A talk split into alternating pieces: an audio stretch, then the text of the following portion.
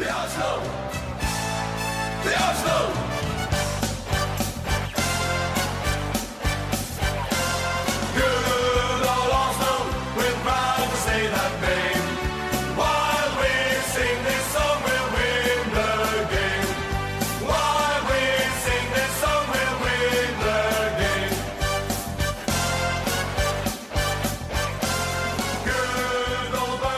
Velkomin í íslenska Arsenal podcasti Uh, Við hefum eftir að finna betra nafn á þáttina, það kemur fyrir næsta þátt. Og við byrjum að kynna okkur, ég heiti Eithor og ég heiti Hilmar. Ég heiti Kristján Ingi.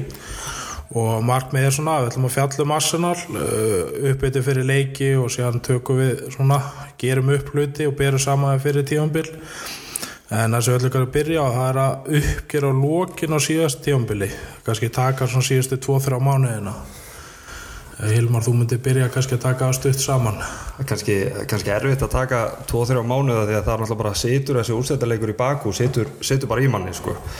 en það sem að kannski stendur upp úr með að við önnur tímabil það er að Wenger hann var eilt að nota síðustu vikunar síðustu mánuðina svona í að bjarga sér búin að tapa titlinum kannski í janúar, februar og dottin út úr Evrópikeppni og það gekk nú vel FA Cup undir, undir lokin en svo var hann að bjarga sér og maður mann alveg eftir mörgum sko, sem hafi verið að skora í Newcastle.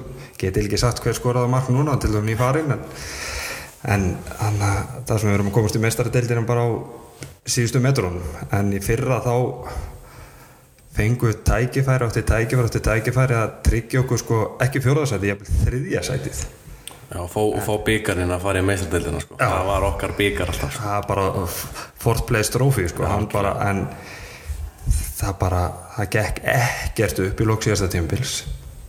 Við, við vorum alltaf með þetta í okkar hendum Þetta- við, þetta var við, við bara, veru sko, tölum eins og með sko, Chelsea.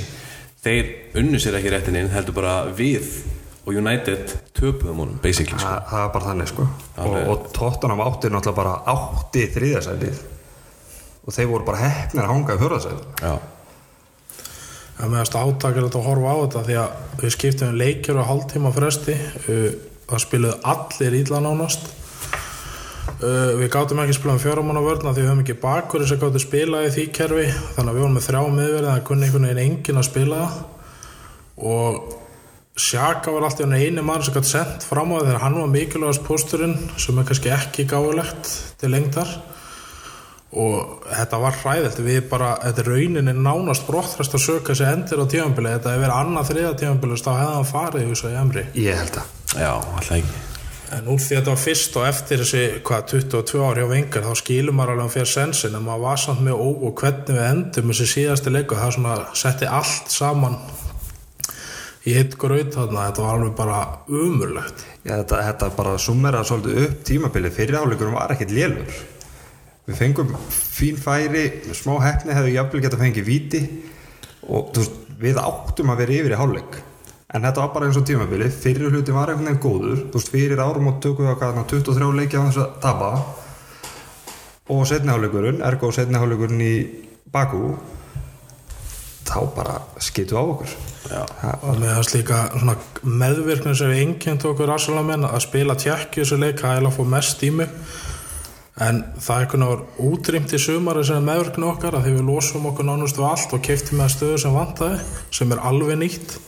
En það er svona sem fer hann yfir til Chelsea bara daginn eftir líku það er bara svona uh, það er svona nutta mann svona meira upp úr þessu.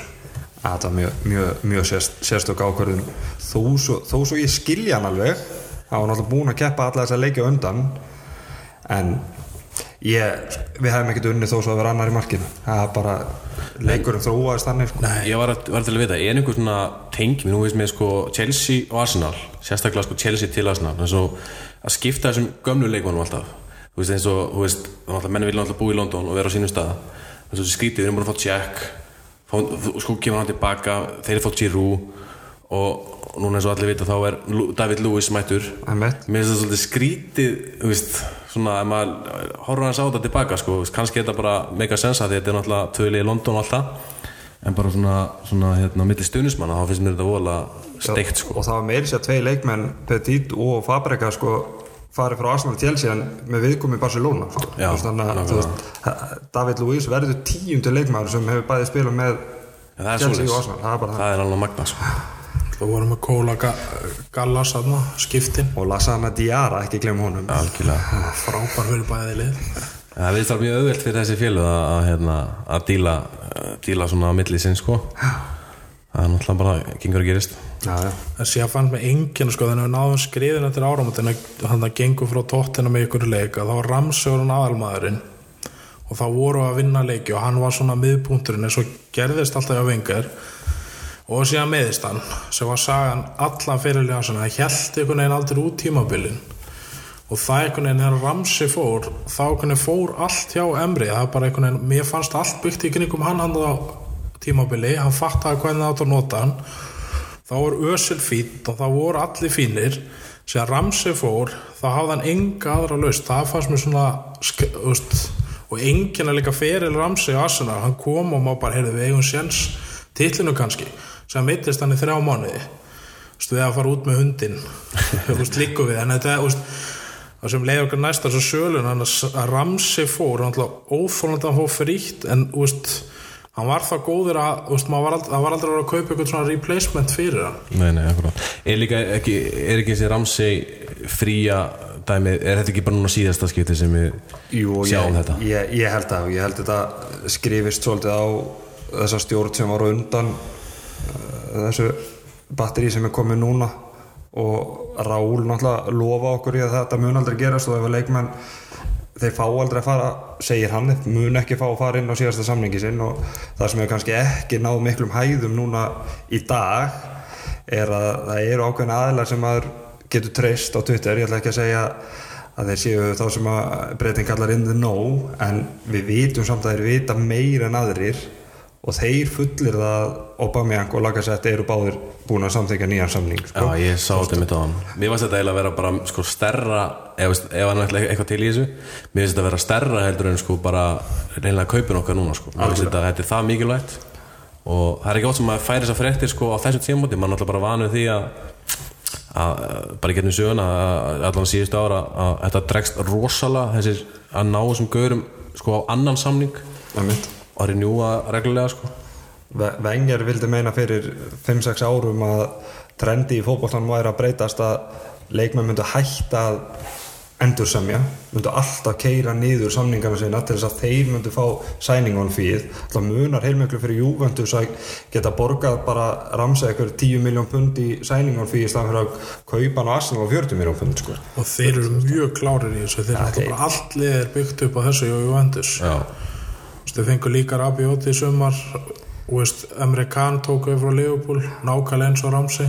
Þeir, þeir getur stilt upp bara mjög góðu 11 manna byrjunliði bara á leikmenn sem er búin að fá frýtt já, bara virkilega góð en sko þegar líka svo talar um þessa fyrir stjórn með eins líka bara sumar í sumar undist eitthvað gáðan var ræðileg hverju fara og hvað eru margir búin að lengi og svo hérna Japanin hann As Asano. Já, hvað var það? hann er seldur en það er einhvern veginn finnst mér enginn að tímabili venga sem mann hefur keft um hann Amari Bishop sem var ekki með nýja á móto og, og veist, við höfum alltaf verið að taka eitthvað svona. Sebastian Mendes innan 98 og, og veist, við höfum verið með endalista Ígor Stefanos er kannski frægasta. Svo þarna herrmæran okkar hann að Kóreski Hvað hétt hann áttur? Park. Park, Park Ju-sung eða hvað sem hétt en það var náttúrulega mest að panikluka allra tíma kannski, þá fengum við líka snill ekki Santos. Já, og Jósi Benna Jún var það ekki, var ekki saman tími? Já, hann var satt ágætt Hann, hann átti sér átti góð moment sko. hann, hann alltaf gerði það sem ég var að tala um á hann hann stegi einhvern veginn upp þegar allt virtist vera glatað undir lók tímabil svo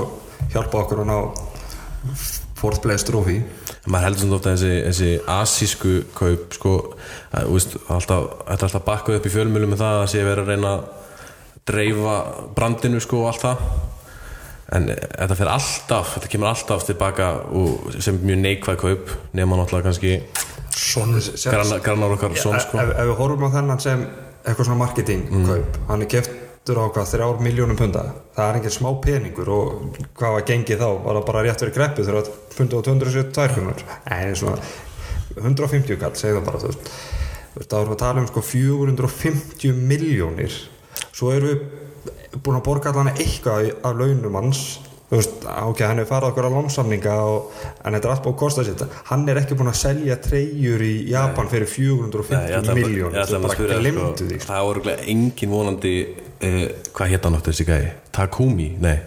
Takumi Asamo. Já, það, ég ætla að vona að það sé enginn sem á treyju uh, sem að setti þetta nafn á það er náttúrulega var líka kannski kærastan. Já, Rí- mamma. Miyazi var annar sem átti að vera bestur en Vengar einhvern veginn hefur alltaf vilja ná ykkur um þessari heimsal og gera hann heimsal en samt sko bauðst hann sonn á enga pening og hann tekur hann ekki. Það varst mér alltaf undarlegt.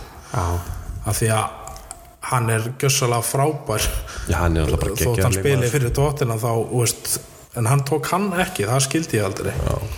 Það er kannski e ef honum bauðst, bauðst ég var nú það lánsamur í sumar eða bara núna í lok júli að fara á hana fund með Raúl, Sanli og Vinjay og Edu kom sem svona surprise gestur það, þegar maður fer á þessa fundi og ég var reynda það óhefin að hitt Ivan Gassidis líka hann er eins, eins mikið populisti og hægt er að hafa og ég hef hitt Trevor Savings og ég hef hitt svona stóra kalla hjá Arsenal. Þú veist, þeir segja allir bara, þú veist, 85% af því sem hún lest er náttúrulega bara kjátt að því og ég held að, ég, ég held að það sé að aukast sko, en, en ég hef alveg trú á því að hún er bauðst til þess að kaupa þenn, þennan leikmann.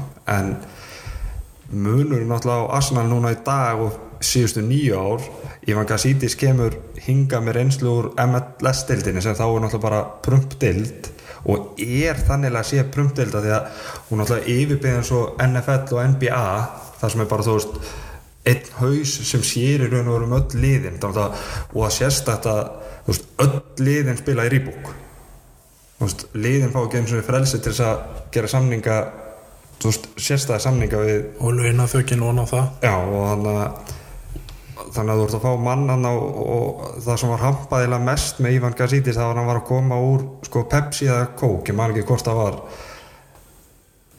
Hann gerði ekki til lið svo nærði Raúl sem að kemur frá Barcelona með 16 ára knaspinur einslu á Barcelona. Sjá bara munni Já, bara, hann er búin að gera meira bara á þessum þreif fjórum mánum bara núna síðast bara allan, hann, hann lúkkar eins og hann þú veist, þó kannski hann er náttúrulega ekki alltaf að, gera allt saman hana, en þú veist það virðist vera að, hann og Vinni séu náttúrulega búin að, þú veist, eins og við viðtalið fræja á Arsenal YouTube-unu, þar sem er tekið veist, part 2 og part 1 viðtal við hann þú veist, þegar ég horfði á þetta, það væri bara æmitt þú veist, þetta er bara, þú veist, ég geti sínt mér allt öll Excel-skjölin og allar myndir og allar, þú veist, hérna öll skipuritin ykkar og allt en ég kaupði ekki fyrir að maður fyrir að sjá eitthvað. Þannig að þú veist, að það bara sýnir hvað maður var í miklu búblu með Gassidis að þú veist, svona var þetta bara búið að vera í mörg ár. En ég, eins og, eins og margir á Twitter er búin að segja núna í, í dag og við gera það, hann ætla bara að byggja stýtt á hann núna og sko En sko þegar maður las líka yfirlýsingun á Josh Kronke, hérna sinni eigandans, þá kannu róaðist ég fyrst að ég fylgist með hennu fell og hann var að sko, að tala um að þeir hafa breytt öllum struktúnum og raukstu þetta menn lás alltaf bara eitthvað síðustu klausuna og fór að bladra en þar er mitt sko þegar ég fylgist með hennu fell þeir tóku rams og endurskiplu og ráku gamlan kall þjálfur hann fyrst og reyðin einhvern þrítugan gaur og þeir fóru í Super Bowl tvei mánu setna Já, en segðu líka hvað er gerðu við Rams. Þú veist, þeir eignust hluta í Rams fyrst sko, sko upp af þessar aldar. En það er ekki fyrir 2012 sem hann eignast að Rams að fullu og þá fyrir alltaf stað. Staðan eignaðist bara Arsenal að fullu undir lók síðasta tímubils þú veist, það er miða við hvernig hans, hann háttar sínum businessum eða hvernig business hættir hann er við líði í honum þá var hann aldrei að fara að gera neitt fyrir henni fyrsta lagi núna í sumar. Þannig að það að hann eigi núna 100% er, er, þó- veist, er það í rauninni horfið jákværa núna. Ég, ég held að svona með hvernig þeir feðgandir eru búin að vera að stýra þessum liðum sem þeir eiga sko. og líka maður horfa þetta raugrætt Edu er að koma og maður vissi að það er enginn að fara að koma fyrir en eftir Copa America. Og það var bara Real Madrid og kaupin á Rodri kannski til City. Annars var allt dögt, það var ekkert búið. Og það er hérna og sér fór kapallinu aldrei á stað út að sem hefði geta að fara á staði að Barcelona fyrir að losa en við, veist, ennskulegum bara komast ekki í þá díla, þeir eru svo svakalegir. Og hérna eða kannski byrjum þá þessu sölum sem fara. Það er hérna bílik fer til Darby á 10 miljonum punta sem ég veist bara geggja ég 10 miljonar fyrir en gæði sem ég sko, ég sá hann aldrei spila eh, svona alvöru aðlisleik en maður vissi náttúrulega alveg á honum og hafa heyrt um hann. Þú veist, ég get lofa okkur því að, að þú veist, vengar hefði ekki látað að fara fyrir 10 miljónir sko, hann er gefað nánast frítt Já, og þeir sem, að, þeir sem að voru aðeins að fylgjast með honum í vetur og núna hef, ég hef bara á því að fara sko, eins og þú, þá er er ég ekkert búin að sjá hann spila alvöru leik. Þeir vilja meina að þú veist, hann er bara svona championship leikmar, hann er ekki í þessum ekki, allan ekki eins og er þá er hann ekki í þessum Premier League standard. Ég, vil- ég vil bara trista því. Ég held að það sé rétt, hann var líka að spila með Tjalton í League 2 sko. Hann var að spila við Sönderland og hann var að spila í sétild þannig að ég, Súgal er góð Sala er góð og síðan fer Ospinna sem við náttúrulega að vita en við getum ekki það er bara fínt losa launatekkan þar. Já, og Martínez er alveg svipa góður og fýtt varamartmaður og síðan fór Japanin Asano. Síðan var Danny Welbeck og Vengar hefði aldrei látið hann fara. Hann hefði fengið nýja fimmara samning hann er svo rosalega lojal við þessa en þessa ég sko. hins vegar fannst það hundlegelt því ég fíla hann alveg sem arsenaleikmann hann var duglur og skila alltaf sínu. Þegar hann var heill var hann alltaf bara frábær. Já, en hann var náttúrulega aldrei hill er diabi einhvern veginn syndrom aftur sem að langa svo þau geti eitthvað en það bara var ekki einhvern veginn var ekki að gerast. En eins og þú veist, uh, segja hann var veist, góður og allt það en bara eins og sjáum hvernig við erum með þetta í dag veist, að það er með lagasett í dag og Aubameyang og alltaf þess að gæja. Að þú veist, þá fattar maður lóksins, Velbeck frábær leikmál alltaf en veist, við, þú veist hann, að hann hafi verið- einhver tíman potensially aðal strækjarinn okkar svona eftir á higgja, finnst mér bara hlæ- hlægilegt sko. hann var náttúrulega orðin svona sá um Evrópadeildina á mjög góður yfir til stóru leikjónum í pressu og varnarleik sérstaklega fram á við. Fárlega sterkur í geggjöðu formi sko. það var rosalega að sjá Jim myndirnar frá honum sko. það er skiljanlegt að hann fór. Veist, það er ekkit eitthvað að setja út á það. Og hann er komin í Watford. Watford, það er hann er það er bara á æfingarsæðinu við hliðinu hann hefur ekki þurft að flytja það neitt. Vonandi, vonandi gott bara múf fyrir hún og vonandi gengur hún vel hann hann hætti Peter Jack það var bara frábært á mínum mati. Í veginn var hann ekki double agent, er það ekki bara kenningin eða? Er- var hann ekki bara að koma yfir Var vera í smá tíma? Nú voru hann orðin hvað, technical director hvernig, hvað er rólega hans aftur? Það er eitthvað svo leið sko. Og næst þegar við mætum Chelsea þá var hann gjörsamlega með hann veit, hann veit allt, hann er að fara að fýta Lampard bara, heldur það, heldur, heldur hann sé ekki ástæðan fyrir að David Lús er komin sko það, það getur verið að vera hans þannig agent sko, en, en já, þetta er hverja átt að fýta við skiptum um leikjur á 30 minna fresti. Það er ekkert mikið í gangi þetta, minnum pínu á því að ég var að horfa hannum daginn aftur á hérna, All or Nothing þættin á Amazon Prime með Manchester City. Og þar er einmitt kemur leikur sem að City er að fara að mæta á Arsenal á Wembley í byggarnum og, og þar einmitt segja bara Guardiola við, við allt þetta bara nú ert þú að fara að senda mig bara skýslu og bara allt sem þú veist um og allt þetta skilur og veist, auðvitað hjálpar það alveg en auðvitað líka, þetta er náttúrulega bara skák þannig að það er ekki að hérna en ég fann sko eftir að vera alin upp með David Seaman sem var frábær og karakter töff líka sem hann fáið bara Jens Lehmann sem er bara stórkastlæsta karakter sem hefur komið til Arsenal bara hvernig, bara attitútið. Sem hann fáið örgleit vesta leikmanni sögða svona Almunia. Kostaði okkur titil og hann minnir mig svona, mér stekt alltaf eins og hann. Sér Sessni, hann var svona veist, töggur í honum og eitthvað attitút en tjekk fannst mér aldrei svona einhvern veginn. Ég fekk, hann nefndi sig ekki, hann var búinn með allt sattur og ég skil ekki, Sessni hann alltaf bara var eitthvað milli hans og vengar, það segir sér sjálft annars væri hann í markinu hugsaði Var það ekki bara að því að Pæði sér kom þá sá sérstning bara að hann ætti ekkert að hann ætti ekkert þetta var persónulegt. Sko Vittu við eitthvað meira? Að það sem að maður er búin að heyra það er að uh, Venjar hafi komið á hann að vera reykjandi inn í klefa Já, og þá- rétt, þá bara, þá bara sko, er sko, ekki eins og lojal og hann var við marga leikmenn að þú braust á hans trösti þá var bara no way back. Það bara það var ekkert sem hann gast gert til þess að koma aftur tilbaka Ég er elska að fylgjast með sérstning í dag því að hann er Arsenal maður sko já, já. Hann elskar Arsenal Já, hann er ennþá að böka tóttan Já, ég það er bara Instagram að það er náttúrulega bara veistla sko. Ég er eins og hrifin af Len og það er einhver svona einhver ára yfir hann sem ég fíla. Hann er mjög ánæður að við fengum hana því að það er ekkit grín að finna markmann í dag og verðin er út úr kortinu. Já, hann er líka góður í löpunum og það er náttúrulega virðist vera að verðist allir vera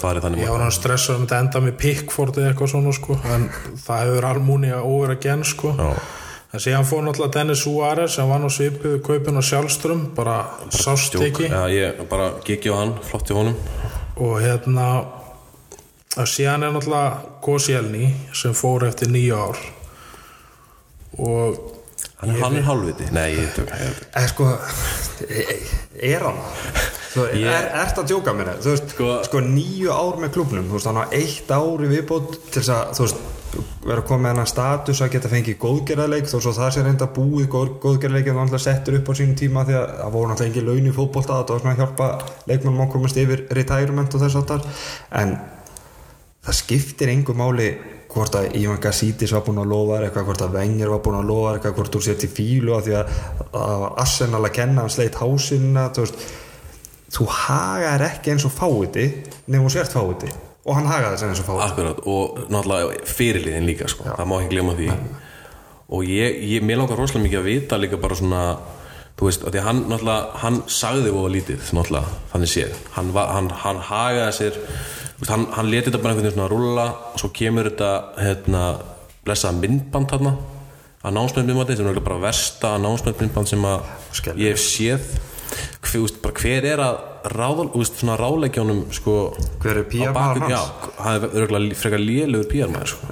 að þú segir hann segir lítið ég er með ágættu sögu fyrir um, um sagt 1980 þegar Arsenal þegar þegar er ekki mikill peningur í þá, tekur, þá startar Arsenal hefð minna að vera Frank Stapleton sem var fyrirleið þá þá byrjar ákveðin hefði á Arsenal að svona tvisa þrís ára tímabilinu þá býður fyrirliðin Arsenal leikmannum heim til sín í grill út í keilu, þú veist bara eitthvað svona smottir í eitthvað sem kostar ekkert mikið en bara svona til þess að byggja upp hópefli og, og þetta kemur ekkert liðinu við. Þetta er bara fyrirliðanir sem að og þetta hefur verið bara gegnum gangandi alltaf. Viera var mjög duglegur í þessu Fabregas duglegur, þú veist. Þó svo að það var miklu meiri peningur þá þá var þetta áfram samt bara, þú veist það var ekkert eitthvað svona glamur eitthvað gala kvöld heim okkur, bara þú veist leikmennir bara í æfingafötunum komnir og fyrirliðin grillar og, og menn hafa bara gaman. Þetta dói fyrir þegar hvað selnum að fyrirlega Arsenal.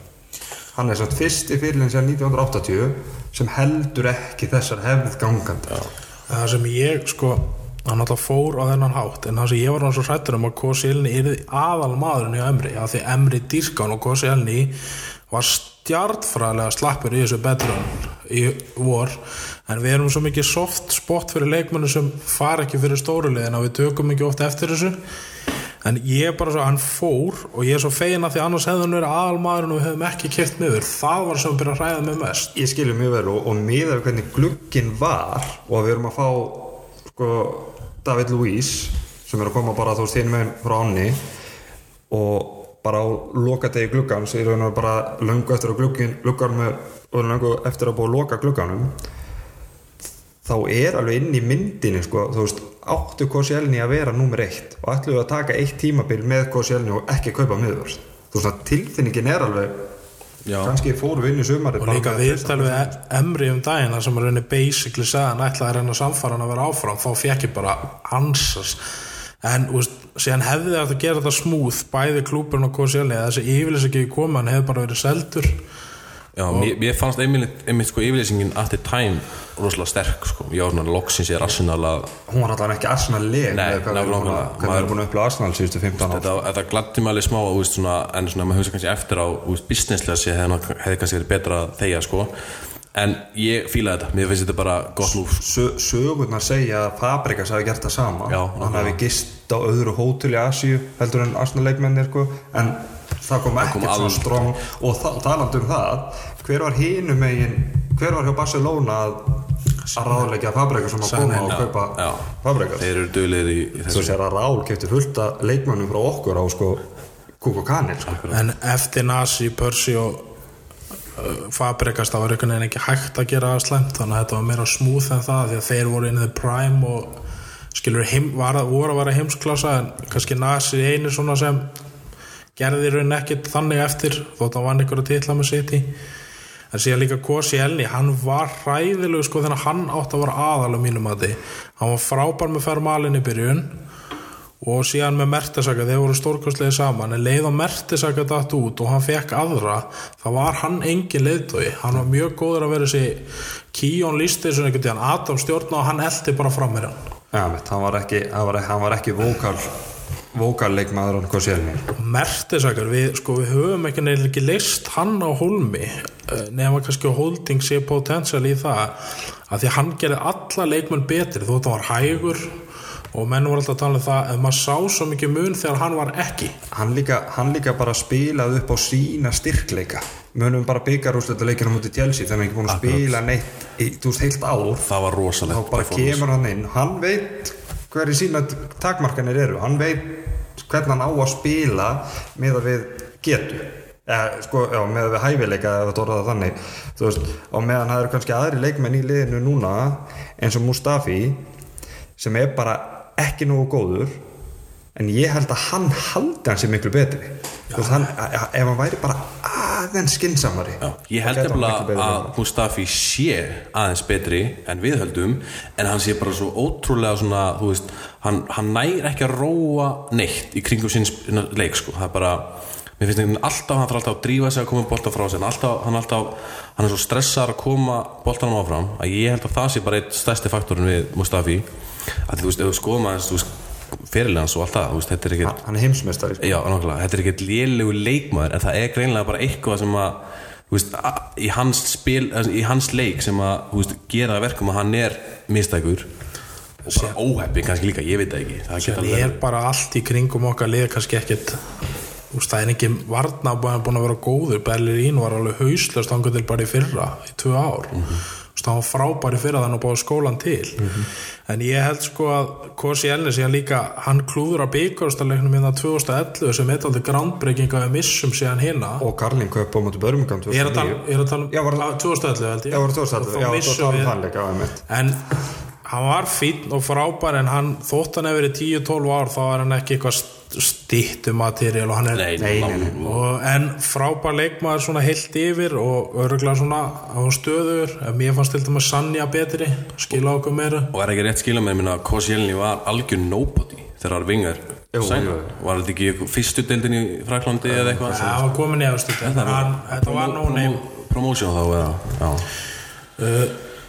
þá er náttúrulega Ramses sem við tókum að þess á aðan en sko, eina sem ég sé við það er náttúrulega hann rann út á samning en mér fannst þetta alltaf svona haltumislega eftir mér. Hann var eitthvað nefn bara besti miðumæður í deildinni í fimm leiki og sem hvarfan en sérst í meðsli hann var náttúrulega rosa lóðupinn hann og Jack Wilshere áttu það náttúrulega bara sa sameigilegt að þegar þeir voru að komast á skrið þeir eru búin að ná 5-6 góðum leikjum í röð þá bara alltaf, alltaf meðsli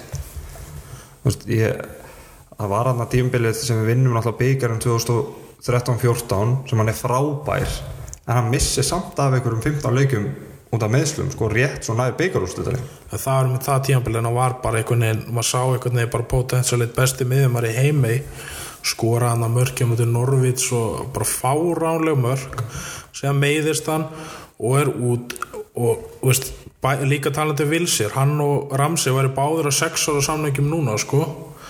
En það er alltaf komin eitthvað svona veist, við erum ekki að borga svona leikmanni 400 pund á viku. Menn er einhvað að læra af mistöku fyrir ára og ekki verið að gefa langasamninga en hann var frábær og, og maður skilur líka svona leikmaður vilja kannski fá eitthvað annað, eitthvað Já, nýtt en bara sárt að hann var ekki seldur og fengum eitthvað fyrir hann. Já, það eru neina, mér finnst, mér finnst bara veru svona með við aldur og, og veist, það er rosalega erfitt líka fyrir hann held ég að hérna, veist, hann er náttúrulega bara vengar veist, fyrir honum er vengar þjálfur Arsenal held ég allana og svo þegar kemur nýð þjálfur að þú veist, þá kannski eðlilegt að menn vilji fara að leita eitthvað annað sko, fara í sólina eða eitthvað. hann náttúrulega þetta British flop sem átt að vera eða British core sem átt að vera í kringum hann Wilshere uh, Ég Guy Klitsi Jenkins nei, ég ætla að segja. Geran Gibbs og Jenkinson, þú veist, það bara gekk ekki upp í vengir og var það einhvern veginn að fara að ganga upp svona eftir á því. Það var samt að komið vona því að þeir voru jengis og þeirna byrjaði tvítur maður bara vá, þú veist það er eitthvað þarna. Ég meina hann, hann spila landsleik fyrir England 2012, hann hann byrjaði svakalega stert og hann náttúrulega er bara championship leikmaður og e- allt í góðum það er hann til dæmis sjá bara muni hvernig hann er kvattur og Kosi Elni, það er bara virðing. Þótt hann var svona Ígo Stefanós okkar daldið í seinni tíð en var einhvern veginn það er bara jengi svona að gera það sem okkur drömmur um það er málið, Jenkinson er alltaf bara aðdánd eins og við sem vinnur bara í lottó að fá að spila sko. hann spilaði með Henry sko. Það hvað gæði maður ekki fyrir að fá að spila með Henry Já, það er nefnilega hefur að pyrra mér rosalega mikið þegar mennum mitt segja sko alltaf eitthvað eins og hann úti, eitthvað he's one of us og alltaf, ef hann er virkilega einn af okkur þá myndi hann bara sjálf vilju sko fara upp í stúku og, og lefa öðrum að spila því að hann er ekki nógu góður Nei. Og þú veist, hann er að hyrða laun þú veist, það má ekki glema því. Hann er á, 40.000 pund á viku eitthvað álega sko. það er hann alveg mikið sko. Æ, ég fíla hann, ég elska alltaf svona leikmenn. Ég, Óli Glúsni var líka flottir hann um árið í hægri Náttúrulega- en þessi menn gefa lífinu lit og veist, að það er bara þú veist, eins og hann, hann er tengdur áörundum og það er, það er svo mikið að í fótbolta í dag sem er drullu sama ég, að ég held að hann hefði verið tilbúin ef hann hefði, en það hefði beðin, beðin um það að hérna bara sjá brúsana á, á bekknum og alltaf, hann hefði sagt já. Pottþétt. hann hefði bara sagt já, en ég fæ samt launin mín. Það er ekki alveg potið og hann hefði bara, hann hefði ekki kvartan hitt síðan er náttúrulega Alex Iwobi ef það er gengið í gegn. Sko, nú, er, nú erum við að taka þetta upp hérna bara rétt eftir deadline klukkan er að þetta í nýju hérna og það er það er ekkert staðfest eins og er sko. Og meina, hvað hva var þetta langu tími eftir? Sko- tveir tímar eða? Já, það er sem sagt ef, ef að þarna deal sheet var komið fyrir 5 þá hafði verið tíma til 7 sem sagt 6 á íslenskum tíma til þess að ganga frá öllum lausum endum og semja við leikmann og sko miða við að Everton er ekki búin að kaupa annan í dag sko er ekkert eitthvað hæp og þeir eru ekkert að geima þetta announcement þá myndum maður nú segja að þetta ætti að vera komið sko. Sko það segja, svo Sky vill bara meina þetta sé bara það sé, maður ég- eftir þessum að Arsjávin þegar við keftum það þá það var sólaringa þeir skilu öll inn en sen eru bara ákveðnu dítilar sem þarf að ganga frá Já, það er engin mynd komin það er engin, mynd er það og, og, það, sko. og það, er- það er bara þannig sko. og, og náttúrulega sko, þá þarf þetta að fara í, í gegnum sko, annað erlend knaspunusamband þetta er allt innan FA sko. Ég ætla persónulega að vona að hann sé að fara. Ég líka. Þú veist hann er hann, ekki, hann, hann er hann, getur, hann getur verið nóg góður en heilt yfir er hann ekki nógu það eru aðri leikmenn sem ég freka vilja að losna við. Ég freka vilja að losna við Mkhitaryan eða eitthvað svoleiðis. En, sko. En, En- sérst en- sko eitt, eitt sko- með Iwobi fyrir ekki máli. sko hann, mér finnst eins og sko, hann er, hann er frábær í fótbalta það er enginn að fara að segja neitt annað. Hann er, hann er góður að verjast og allt það en þegar hann, kef, þegar hann fer sko, á setnipartu á, á, á vellinu sko, hann komið bara á, hérna, á síðustu helmingin þá veit hann ekkert hvað hann á að gera. Hann, hann er vængmaður en som oftast spila í þessum, þessar þryggjaman á sóknarlinju Arsenal. Og leikmann sem að spila í þessar þryggjaman á sóknarlinju Arsenal og núna er ég bara að tala um deildina sko 2016-2017 þá skor hann þrjú mörg í 26 leikum 2017 2018 skorði hann 3 mörg í 26 leikum síðasta tímabil skorði hann 3 mörg í 35 leikum búrstið frá getu hæfileikum hvaða er það er bara of lítið fyrir sóknamann hjá Arsenal. Mm -hmm. ef að Pepe skorða 3 mörg á þær, næsta tímabil í deild í 35 leikum þá erum við að fara að vera brjálar yfir þessu sæningi sko. Algjörlega, mér líka fór, ústu, fór að pæla eins og með Vóbi sko er ekki hann er ekki rétt skiljað mér að þú veist, þegar þú bara mætir í akademíuna núna þá er bara, það er bara myndar honum allstar hann er einhvern veginn svona andlit akademíuna eins og staðinu núna af því hann er einhvern veginn eini svona eins og staðinu í dag, eini leikmann sem að virkilega er homegrown einhvern veginn. hann, já, hann er homegrown. Ég, ég er aftur getið talað um hvað er heppin. Ég er farið á æfingarsvæði Arsenal og ég meina ég þekki, ég þekki mjög vel sko vestlunarstjórunni Arsenal búðinni og hann öfundaði mig fyrir að farið í æfingarsvæði ég var sengi formaður formanna í upphafi síðasta tímabils og það er alveg þú veist, það fá allir samasess þú veist, þú fær bara mynd af þér í ákveðinu gangi ef þú ert búin að fara upp í gegnum Ok, ok. þannig að það er bara ein mynda í Já, hópi já, já. og það er bara ein mynd af Fabregas og það er ein mynd af, Já. af hverju en þú veist, það er í þessum sérstaklega gangi og svo, svo fá allir leikmenn sem spila leik, aðliðsleik þú veist, þeir fá nafnið sitt ákveðum vegg þú veist, þannig að það er ekki verið að hampa einhverjum einum umfram einhverjum öðrum Ok. Að það, og, og til dæmis leikmennir sem eru í anna, undir 23 þeir eru með þú veist sinn skáp með sínu númeri og númeri er annað raukt eða sem sagt Arsenal merkið er raukt en ef þú spila svo með aðliðinu en, en ert ennþá í þú veist, akademíunni þá færðu nýtt badge þar sem að númerið er svona gilt mm. Veist, þannig að þegar maður lappaði inn í inn í þannig klefa þá sá maður þú veist, Eddie Nketi var með gilt númer og, Þannig að þetta er svona, þetta er pyrur svona eins og erum eitthvað svona rank í, hernum eitthvað. Þetta er svolítið þannig. Og þegar þú lappar inn hennan aðal, ganga sem að allir búnisklefanir eru þú veist þá er bara first team þeir eru fyrstir og svo fer þetta bara niður og endar þarna í undir átján eða hvernig það var undir 16 eitthvað. Ég, já, Evópi hefur líka liðið aldrei fyrir, hann er að koma upp þegar Ösil er. Og Ösil hefur bara átt þessa tíu stöðu sem myndur kannski eða tíu átt að henda Evópi betur en svo með nýkarska landsliðinu. Og hann hefur kannar alltaf fengið eins og í fyrra þá bara voru með engan sem gatt sóla í liðinu með Evópi þannig að hann fekk bara skilabóð farið sjálfur. Alltaf og maður sá það bara, hann kom inn og hann reyndi alltaf að sóla fimm það var ekkert að hann tók upp á því, það er bara skilabóðin og hann er ekkert kannski, hann náðu ofta að gera fína hluti, hann er kannski ekkert flink þetta er kannski ekki hans hlutverk en Pepe tekur það aldrei núna og vonandi Nelson eitthvað. En mér fann svona veist, ég er ekkert ósámulega að fara fyrir hennar pening 40 miljonum punda, það er hans gott fyrir hann. En ég hefði alveg sko vilja sjá hann meira því að hann hefur ákvað hann er miklu meira fitt og kraft meira en Ösil Einmitt, sko bestu leikinni sem að mér fannst hann spila er undir lók tímabilsins 2017-2018 þegar Wenger er að hætta þegar hann er í þessari tíu rullu sko. þá, þá spila hann síðustu þrjá-fjóra leikinu um tímabilinu og þá er alveg hans bestu leikir að mínum mati sem hann spilaði fyrir Arsenal. En ég held, ég held að Arsenal hafi þurft að selja eitthvað núna, þeir urðu veist, það var náttúrulega að tala um þessar 45 miljónir þetta budget sem við áttum og hvað sem að það er satt eða ekki satt þá, veist, þá erum við samt við erum ennþá að, getur vel verið. En við erum ennþá samt að, að koma okkur út úr þessu Ivan Gassítis tímabili þar sem að var verið að spreða kannski of mikið í sko laun og laun það hafa áhrif síðan á hvað mátt líka að kaupa út af þessu FIFA Fairplay þó svo, þó sem við erum eina liðið í Evrópu sem ætlum að fara þessu FIFA Fairplay ekki. bara launakostnaði upp á 5-600 pund á viku núna Já, þannig að þú veist ég held bara að það verið of erfitt að selja leikmenn eins og Mkhitaryan sem er á 180.000 pund á viku og eitthvað sliðis og hann sé svolítið að líða fyrir það að nýfa ópi núna að þú veist, hey, fengum þetta tilbúð bara við verðum að selja. Ja, Ég held að ég hef viljað missa fleiri á undan honum, ég er samt ekki að segja veist, að ég er eitthvað mikill aðdáðandi en ég held hann eigi meir inni. En ef hann er að fara kantin hjá Evertón þá náttúrulega verður þetta eins. Hann, Menna, fara, er- hann er ekki verið stöðun að skilfa þannig að maður veit ekki sko, svo sem að keifti Everton reyndi hann ekki á sínum tíma að kaupa Arsenal og lofa að dæla peningum í Arsenal. Og núna er hann búin að láta okkur 60 miljón pund fyrir í Vóbi og, og því og Volkottir það er ekki bara ágættis leið fyrir okkur það er bara þetta æðislegt. en þetta er samt sárt eða kannski sárt að leiðilegt að svona uppálega leikmann sem hafið mikið potensial að veist, þetta endir svona sko, en salan er skiljaðlega svo þú segir, það er ekki eitthvað sem réttlætt er að hafa hann ef við fáum 40 miljonum punda Mér finnst það líka bara einmitt jákvæmt að þegar ég er alveg viss um það að þú veist, Wenger hefði aldrei þóra að selja Emobi sko.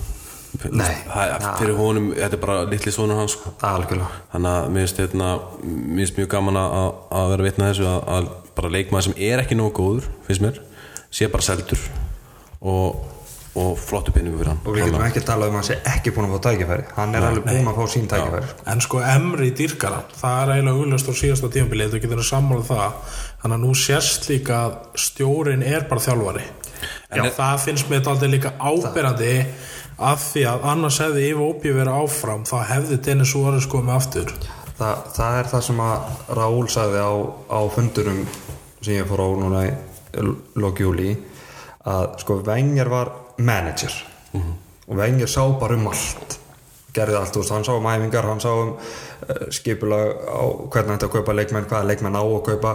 Veist, það er verið að færa sig frá þessu business modeli yfir í það að fá bara head coach núna Emri og hvað sem verður síðan setna og hlutverki hans er bara að þjálfa. Hann á bara að sjá um æfingar, hann á bara að sjá um uh, taktík fyrir næsta leik hann á að skoða uh, næstu lið næstu móterja, hann á bara að vera að þjálfa. Edu er að koma inn í hann að baka að hann á að sagt, fylgjast með akademíunni sjá hver er að koma upp hver eru líklegir til þess að vera nógu góðir í að fara að spila með aðaliðinu og hvar þarf að styrkja. Og svo er það bara að skila upp frá honum. Við þurfum að kaupa í þessa stöðu og þessa stöðu, ég vil kaupa þennan og þennan leikmann og Raúl sér svo um að semja.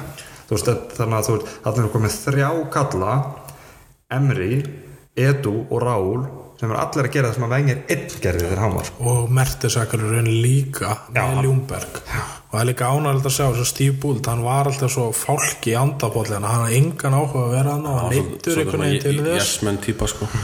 Ekki, þú veist, mér varst hann bara aldrei hafa völd. Og séðan svo kjánald að sjá hann á síðast tíðumbili hann var hinn aðstofmaður hann hafði ekkert að segja. Það var svo áberandi á bekknum.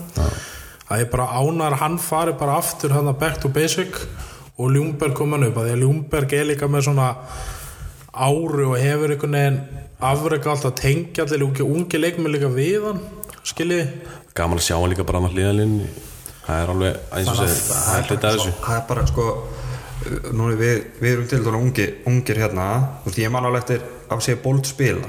En maður samt einhvern veginn tengir bara Ljungberg við Arsenal Mhm. og sjá Arsenal mannana á bekknum. Það er bara eitthvað geggjað. Það er bara ekki sko Já, þú veist, ég tengi meira við Loren en Dixon, bara persónlega skilur þannig að þetta er alltaf kynslu og bilverður en síðan finnst mér sko kaupin sem að koma allt sem ég varst að síðustu þrá mánuðina það einhvern veginn fyllt upp í þá stöður og það hefur auðvilt ekki verið veist, vandamál, eða, það hefur verið bara risa vandamál okkur, við sjáum eins og Torreira verður allt í hennu bara risa leikmanna því við höfum bara ekki haft svona leikmann í tíu ár undir venjulegu kringustöð er allir bara að þetta er fínt sæning og bara fínt leikmaður. En hann varði einhvern veginn bara svona og séðan alltaf stóð greið ekkert undir væntíkunum af því að hann var kannski ekki þessi skilji en hérna Það var svona há- háum kall einhvern veginn. En við kaupum sko kannski, það er náttúrulega bara þrýr sem eru keiftir í byrjunarliðið reknaði með. Og ég er sérstaklega ánægður að þið keifti vinstri bakur það því að fann að Monreal er bara búin að missa hraðan ég held að allt sé búið á tónkinum í honum. Sko, æfingarleikinnir eru bara, veist, það eru búin svona hann búin að vera mjög kærulus liðin anstæðingarnir eru að komast í hættuleg færi út af bara lélum sendingum frá honum, eitthvað sem maður sá ekki frá honum, en þetta er bara svona þetta er ekta dæmi um mann þar sem að bara tankurinn er búinn. Hann er ekkert, orð, ég er ekki að segja hann er orðin kærulaus, veist, mann breytast ekkert úr því bara að vera skynnsamir í kærulausu breytum fimm, en þegar tankurinn er búinn þá fara þessi minnst að koma. Já, en hann er búin að vera frábæra klúpin og ég er ánægður að hann er líka áfram þetta ár. Og Kola Sinjak er eitthvað skrítnasti leikmaður sem ég man eftir af því að já, hann er fýtt sóknarlega en samt getur hann ekki sendt fyrir einhvern veginn en samt ógnandi. Hann getur alls ekki spilað í fjóramanna vörð hann, bara, það hann, er er, hann er bara vingbakk hann er bara wingback.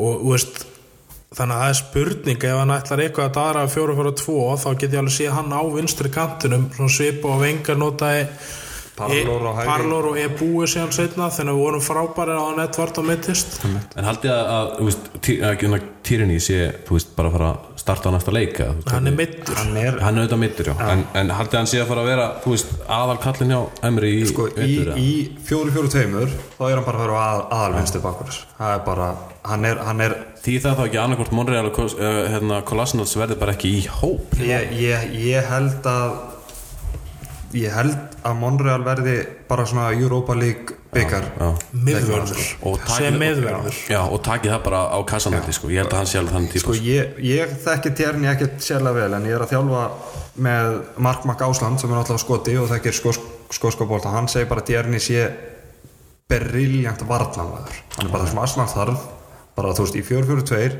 þá er hann bara ekta svona bakvörður eins og Asli Kól og Nigel Vinterburn voru. Þú veist bara og hann er, hann er svipað stór og Vinterburn 1.78 þannig að hann er ekkert rosalega stór en hann getur alveg nýst ef við ætlum að fara í fimmann og vörð þá getur hann nýst sem miðvörður og þá er Kolasinac komin bara í sína stöðu sko. En hann er er- aðalega að fara að spila held í vinstir baki 4-4-2 þetta er líka besti leikmann sem við gáttum fengið í þessar stöðu held ég á lausu. Uh, mér líst miklu betra þessu kaup en og við höfum fengið Marcelo sem tankurinn er búin eins og þú sagðir. Og ég held að þetta sé bara frábær kaupa því við erum að eðalega peningi stöðu sem vantar en þetta er sann svo auðveld stað á hunsa. Bakverðinni, þú veist ég sjáu börnlið, þetta er bara einhverjur í bakverðum oft, það er ekki Ég menn það voru bara ykkur í bakverðum hjá okkur á síðastu tímili Sjaka var að spila sem vinstri bakverður í fyrra. Já, hann hendar ekki það. Blessa og hérna þannig að þessi kaup finnst mér einn besti og líka sem heitla með að hann er búin að vera hjá Brendan Rodgers undan fyrir og sama hvað mönnum finnst um hann þá spilar hann fótbolta og veist flottan fótbolta ofta tíma og kennum mönnum og hann breytti þetta aldrei kultúnum með Celtic. Þannig að við erum ekki að fá eitthvað gæja sem það þrjú ára aðlegast að læra að senda innanfótar. Nei, nei. Þannig að það líka er svona, ég held að muni hérna aðlegast fljótt.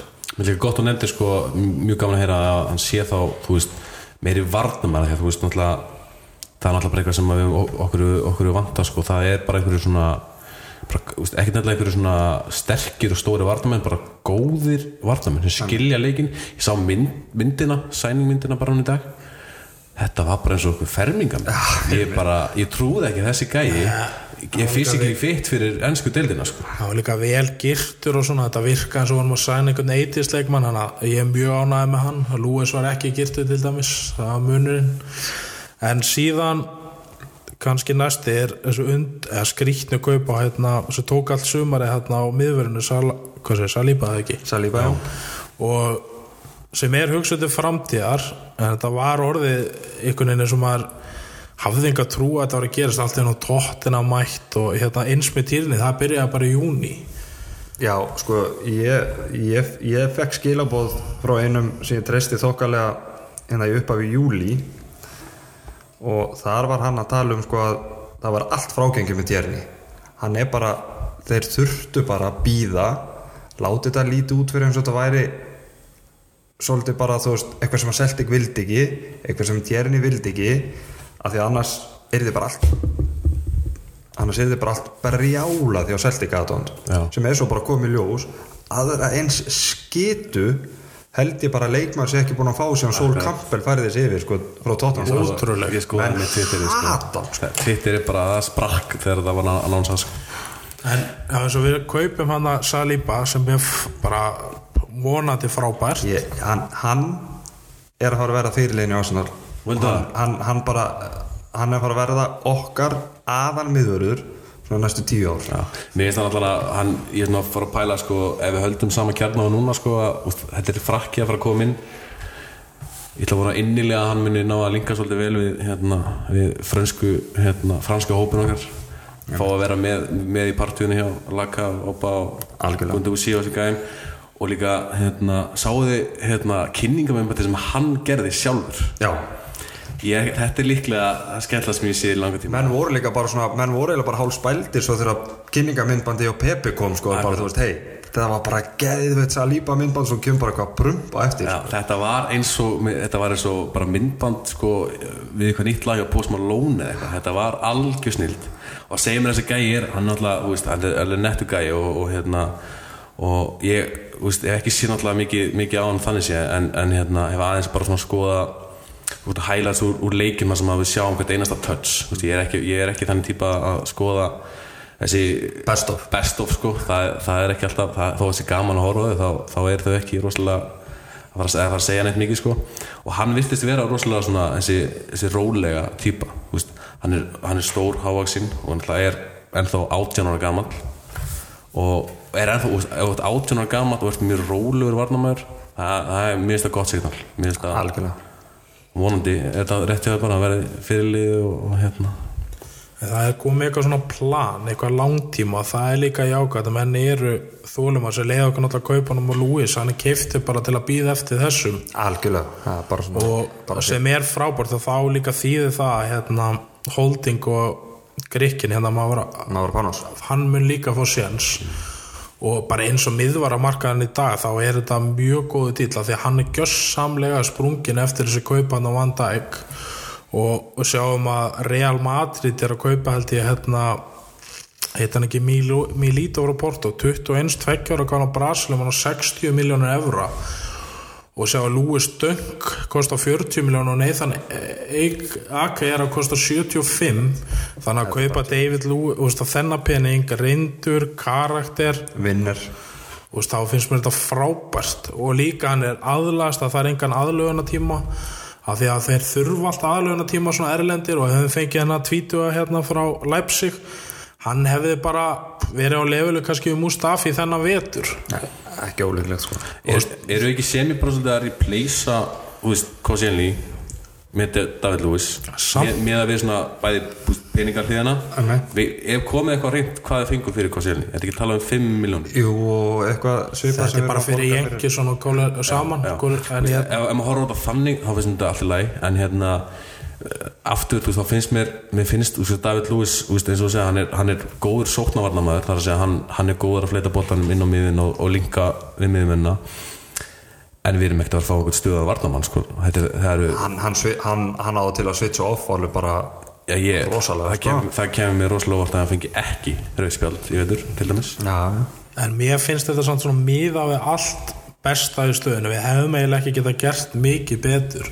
Þetta er mun skára en að kaupa Lúi Stöng og 40 miljonar punda á mínum mati. Er það panikaup, meldið? ég, ég held ekki. Þú sér að þetta, þetta er náttúrulega leikmaður sem að slær Gary Cahill út úr liðinu í fyrra. Að því að hann, hann er góður í fótum sko. hann, er, hann er svona lenotýpa sko. hann, hann undir pressu þá kemur hann boltan frá sér og samherja. En ákveð haldið að Lampard það hafi ekki viljað nota það tala um hann hafi ekki einu sem verið fjórði varnamaður Ég- ég bara vonandi sko, er, er hann ekki að fara að sína okkur það þetta tíma Já, ég meina, það var náttúrulega bara geggi ef, hann, ef hans sögur fyrir þannig að ok, ég komin inn geggjaðan klúb, nýjan klúb og hérna, þú veist fi- hérna, gamli þjálfara minn sem er þá Lampard þar að segja, hafði ekki trúað mér. Ég mættur hann til, að- til að sína hvað ég ætla að gera. Þa, það var náttúrulega bara geðvikt sko. sko, Chelsea er náttúrulega með Andres Kristjansen hérna Danan sem mér finnst gjössalega frábær og það er annarkvort að missa hann eða Lúi skilji auðvitað spilaru Kristjansen af því að þeir eru í transferbanni, hann er yngri og meira potential til lengdar og hann vildi fara í fyrra því hann fekk ekki að spila. Þannig að mér finnst mjög eðlilegt að hann sé á undan þar. Þannig að ég, þetta er bara vinn-vinn held ég fyrir alla. Chelsea er náttúrulega bara í allt annar stuðu en allir aðrir. Svo þeir þurfa bara núna svolítið að byggja upp á ungu leikmönnum. Af því að veist, sko. þeir eru bara Já. Haldið þið að hérna, svona fyrir alltaf þessa fantasy-spilura sem er að hlusta haldið þið að David Lewis sé að fara að vera veist, þegar hann kemur, kemur inn í hérna allleikjaplanið og, og Emri næra aðeins að fínbúsan að haldið að hann verði bara aðalmaðurinn nummer eitt með Sókratis eða ég, nei, ég held sko ég held að jú, frá þangandi holding verður tilbúin en ég held að Sókrates og holding verði Já. meður bara nummer eitt En það er líka svo núna með emri, við vengar við sem alltaf hvað leikir var, maður þurfti bara að gíska í stöðina sko. Við vitum ekkert hvort það mæti með 3-5-2, 3-4-3 4-4-2 og, það er bara alveg eftir móti hverju mann er að keppa sko. já, og það finnst mér svona það svona mjög nýtt fyrir á vengar og svona var þetta aldrei fest í byrjun ég var að vera geðvikur ásöndur lók tímabilsins af því að það var ekki stöðleik þú varst bara tekin út af þetta 50 minntur þú varst að spila vel eitt leik og ertu komin yfir hinum enn í næsta leik. Þannig að ef hann að byrja með þryggja mannaverð þá er hann fyrsti maður inn í miðuna bara 100% og hann mun spila svíperinn. Mér fannst þetta þessar skiptingar þú veist, maður var náttúrulega mjög hissa þegar maður sá loksins að þjálfar Arsenal fara að skipta leikmunum á svona bara í hálfleik? Já, bara í hálfleik. Þú veist, Mér fannst það jákvæmt þegar ég sá það fyrst sko, af því að þú veist, það segir mér þá að hann, hann sá eitthvað, spottaði eitthvað sem að, sem að hérna, þú veist, að breyta og, og hérna ég held til dæmis eins og með Ösil veist, hann, hún var heldur skipt oftast út af. Uh, ég held að, hérna, að ég vona það einnilega ég er svo mikill Ösil maður sko, að hérna ég held að Emri hafi verið skólan virkilega til Algjörlega. á síðast tíðanbili með þessu skiptingum með mitt sko klára kannski sumaköpin tökum þetta. Við, við, við og hérna svo heldur smá plani en veist, heilt yfir held ég er þetta besta í stöðin eins og þetta var og hvernig miðvara markaður var.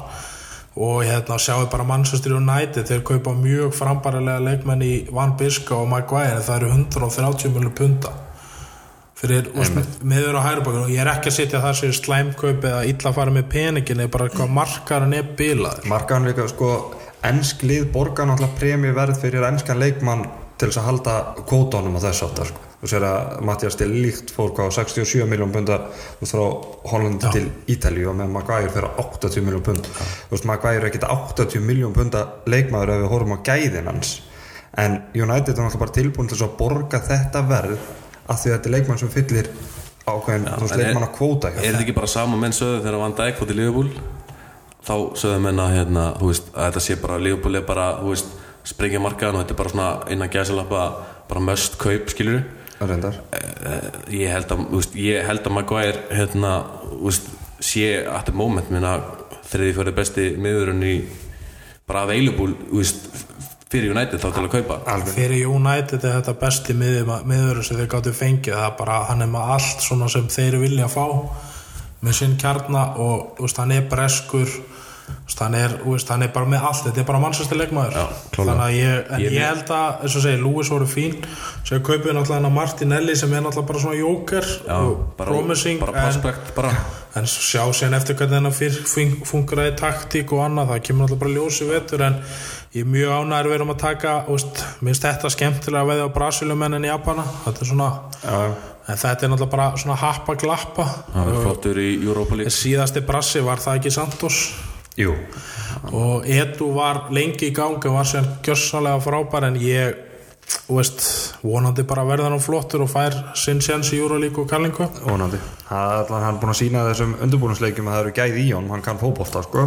En hvernig, hvernig metið þá, hvað er einhvern Við eigum eftir tvo. Eigum eftir tvo, vola er að flýta mér. við erum eftir aðal mannin sko Já, byrjum á þessum fengur Real Madrid já, herðu. Ég verð að viðkjöna ég hérna, ég veist ekkert hver þetta var. Ég hafði aldrei heitt þetta nafn svona hvernig ber maður þetta fram? Þegar þegar viljum maður segja það sko. Ég sagði alltaf Ceballos fyrst eins og pjóra íslendingur en hérna þetta er vist, já, Ceballos. Sko, í undirbúinsleikunum fannst mér hann nefnilega helviti góður. Sko, ég var á Emirates á Emirates Cup-leiknum og maður sá það bara strax. Þú veist að þú veist, hann hefur allt það sem maður vill sjá hjá miðjumann þú veist bara hann, hann tók bara stjórnina strax. Og þegar hann fekk boltan þá fór hann að stýra hvert hann vildi, hvernig hann vildi fá hlaup og hvað leikmenn í kringu sætti að gera. Leið og losaði sig við boltan þá var hann alltaf komin í svæði.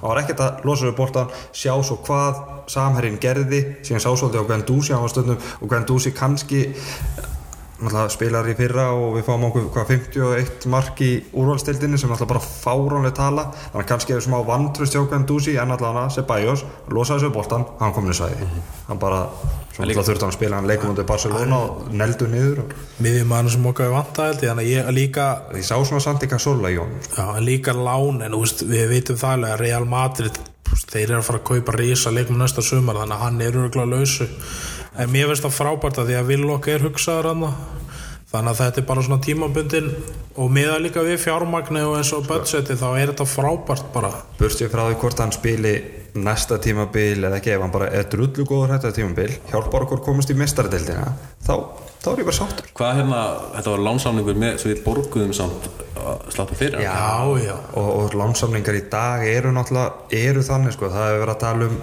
sko að Barcelona vildi fá 25 miljón pund fyrir Coutinho sko, hvort sem að Arsenal eða Tottenham eða eitthvað lið hefði tekið hann á, á lán sko, þú veist, 25 miljón pund fyrir að fá leikmann á láni það bara, ja, það er út í hött sko. Það ekki þú veist, það er jafn mikið vorum að borga fyrir Tjerni og líka sko, bara, þetta leit út í júni að við værum að fara og fá sko Danny Drinkwater og Ryan Fraser þannig að það er bara eitthvað, maður er svo ánæður að fá svona spila. Ma- maður var náttúrulega bara búin að réttlæta það í huganum sko að Ryan Fraser væri bara góður kantmaður og, og, og Dennis Braet og Jókim Andersen og þetta, þetta er bara kjarnin bara, Sampdoria leikmenn sem eru komin bara Við vorum komið bara á, sko í júni held ég að varum bara detta niður í Everton standard. Eða, veist, samt voru þeir að kaupa betur en við. En það leit bara út fyrir að Ryan Fraser var maðurinn einmitt og er hann hefður ekki samt bætliði frá fyrra? Já, Þú veist, það, er, það var það slæmt í lokin en við fáum í er Nikolas Pepe frá Lill á metverði. Og maður trúir eiginlega ekki að við hefum keft leikmann á þessu verði.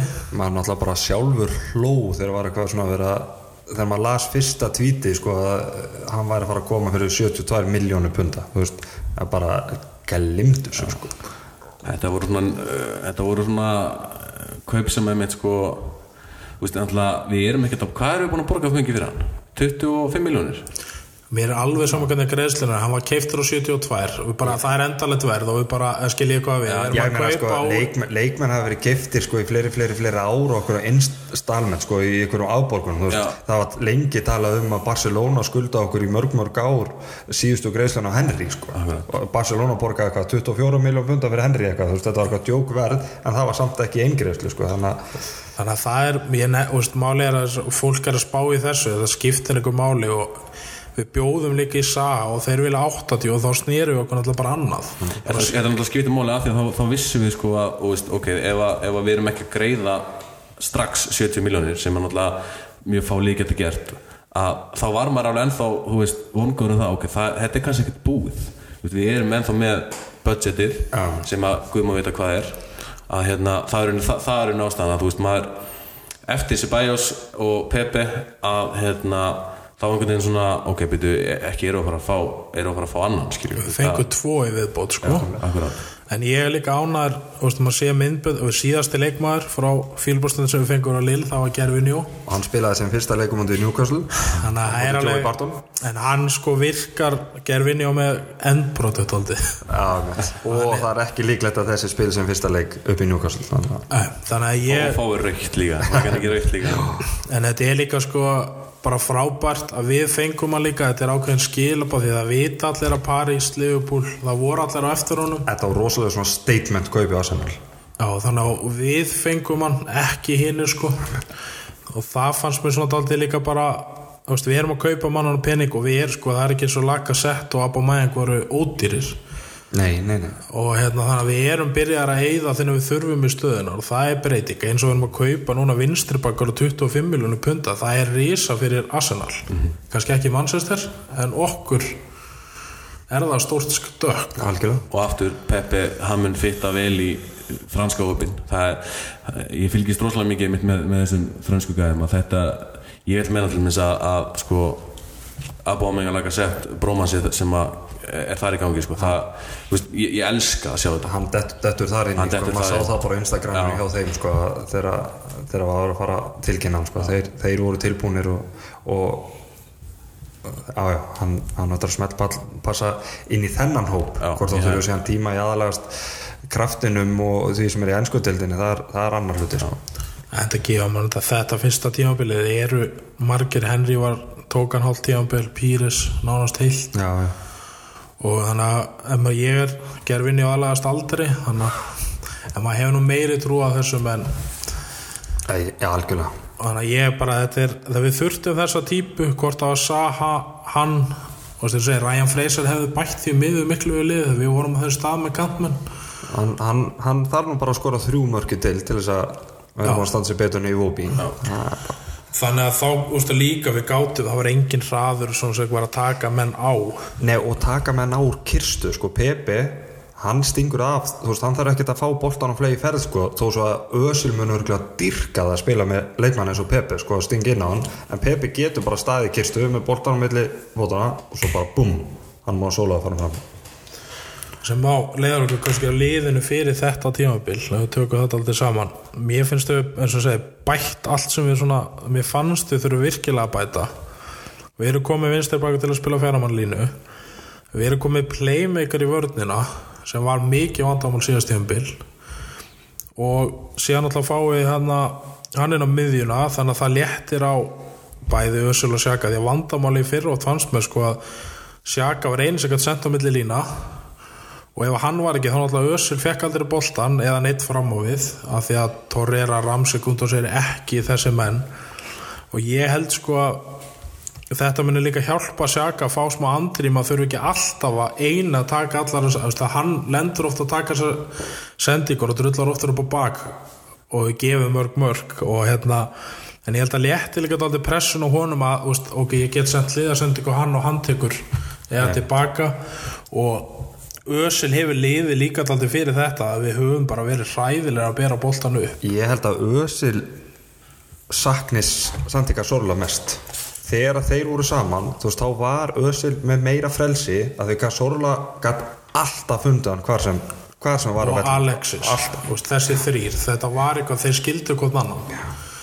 En síðan er hann að fera hann yfir því að spila úst, já, úst, með Ivobi og Gundósi þetta er bara lefunum fyrir neða þess að kalla sig Já, klárlega.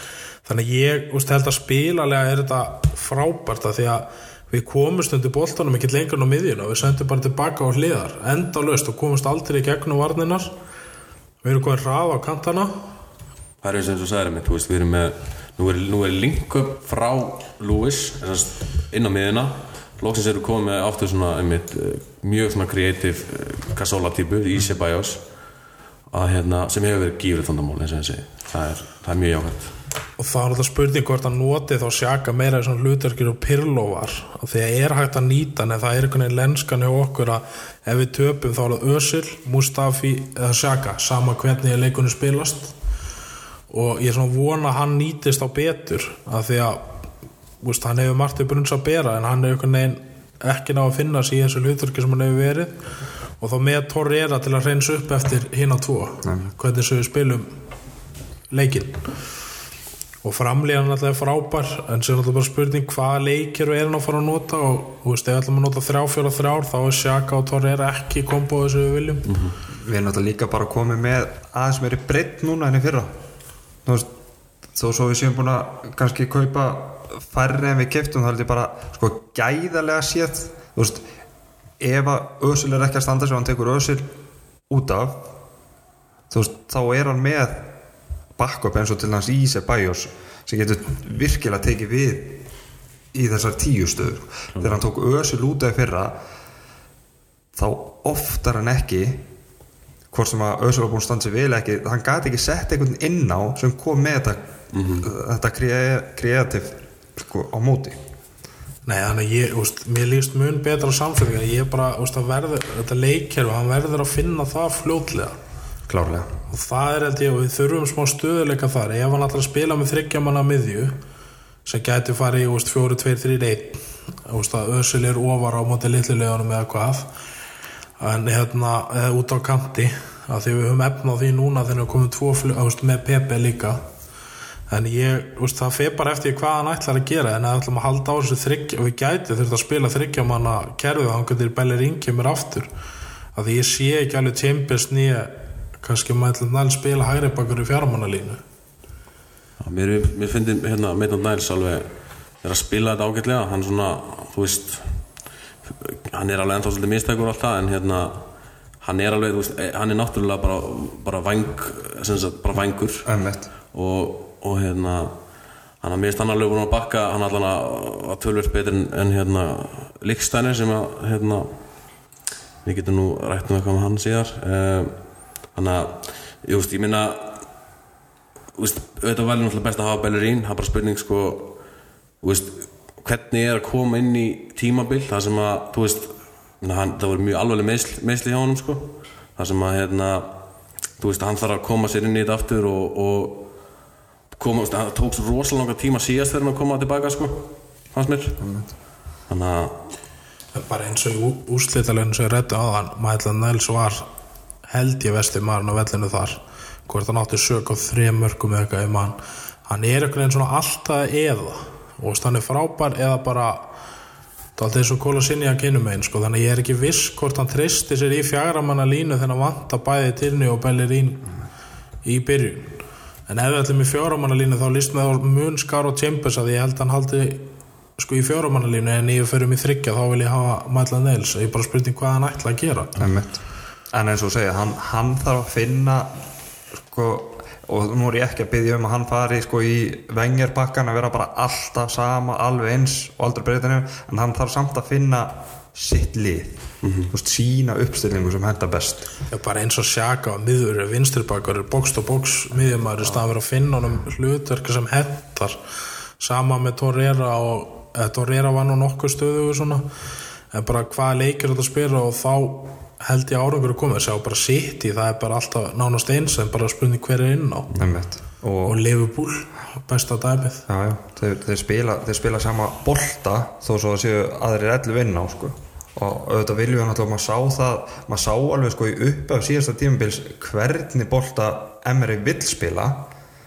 En Arsenal voru bara ekki að ráða við það sérstaklega í fyrstu leikjum þegar Jack var að byrja í marki sko, þú veist, hann var ekki bara fyrsta öðru leiknum þar sem hann skoraði næstu sjálfsmark. Hann alltaf ekki á þvert yfir hann var fóð sem betur hotn Jú. hann reyði enga með við frekar, frekar slappur í löpunum sko.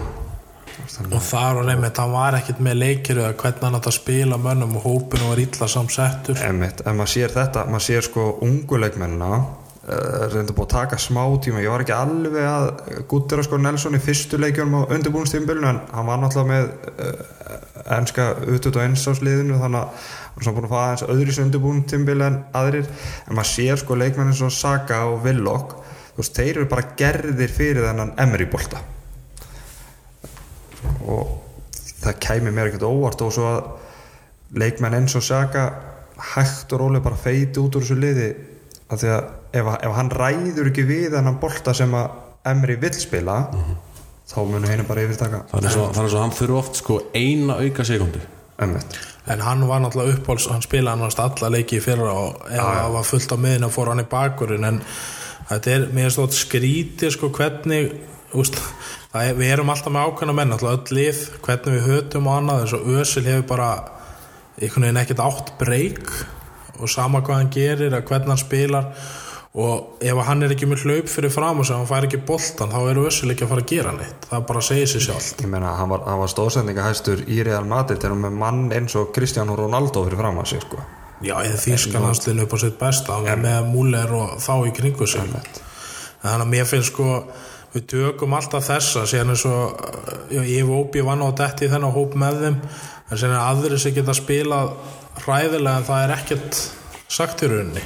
Nei, nei, nákvæmlega en ég alltaf er mjög hrifin en Villok verður auðvitað með stórt hlutverk í byrjun með undirbúrstífabili Nelson geti líka komið svolítið sterkur inn í bæði Europa League og, og í byggar það er fínt að eiga þann mann inni sko. ég var mjög rættur um að ég myndi hérna, lána hann aftur eða, eða já er- Einmitt. og svo eru við náttúrulega með sko, mann sem við erum ekkert búin að ræða og, og bara lítið búið að ræða það er náttúrulega Emil Smith Rowe Já. þú veist, hann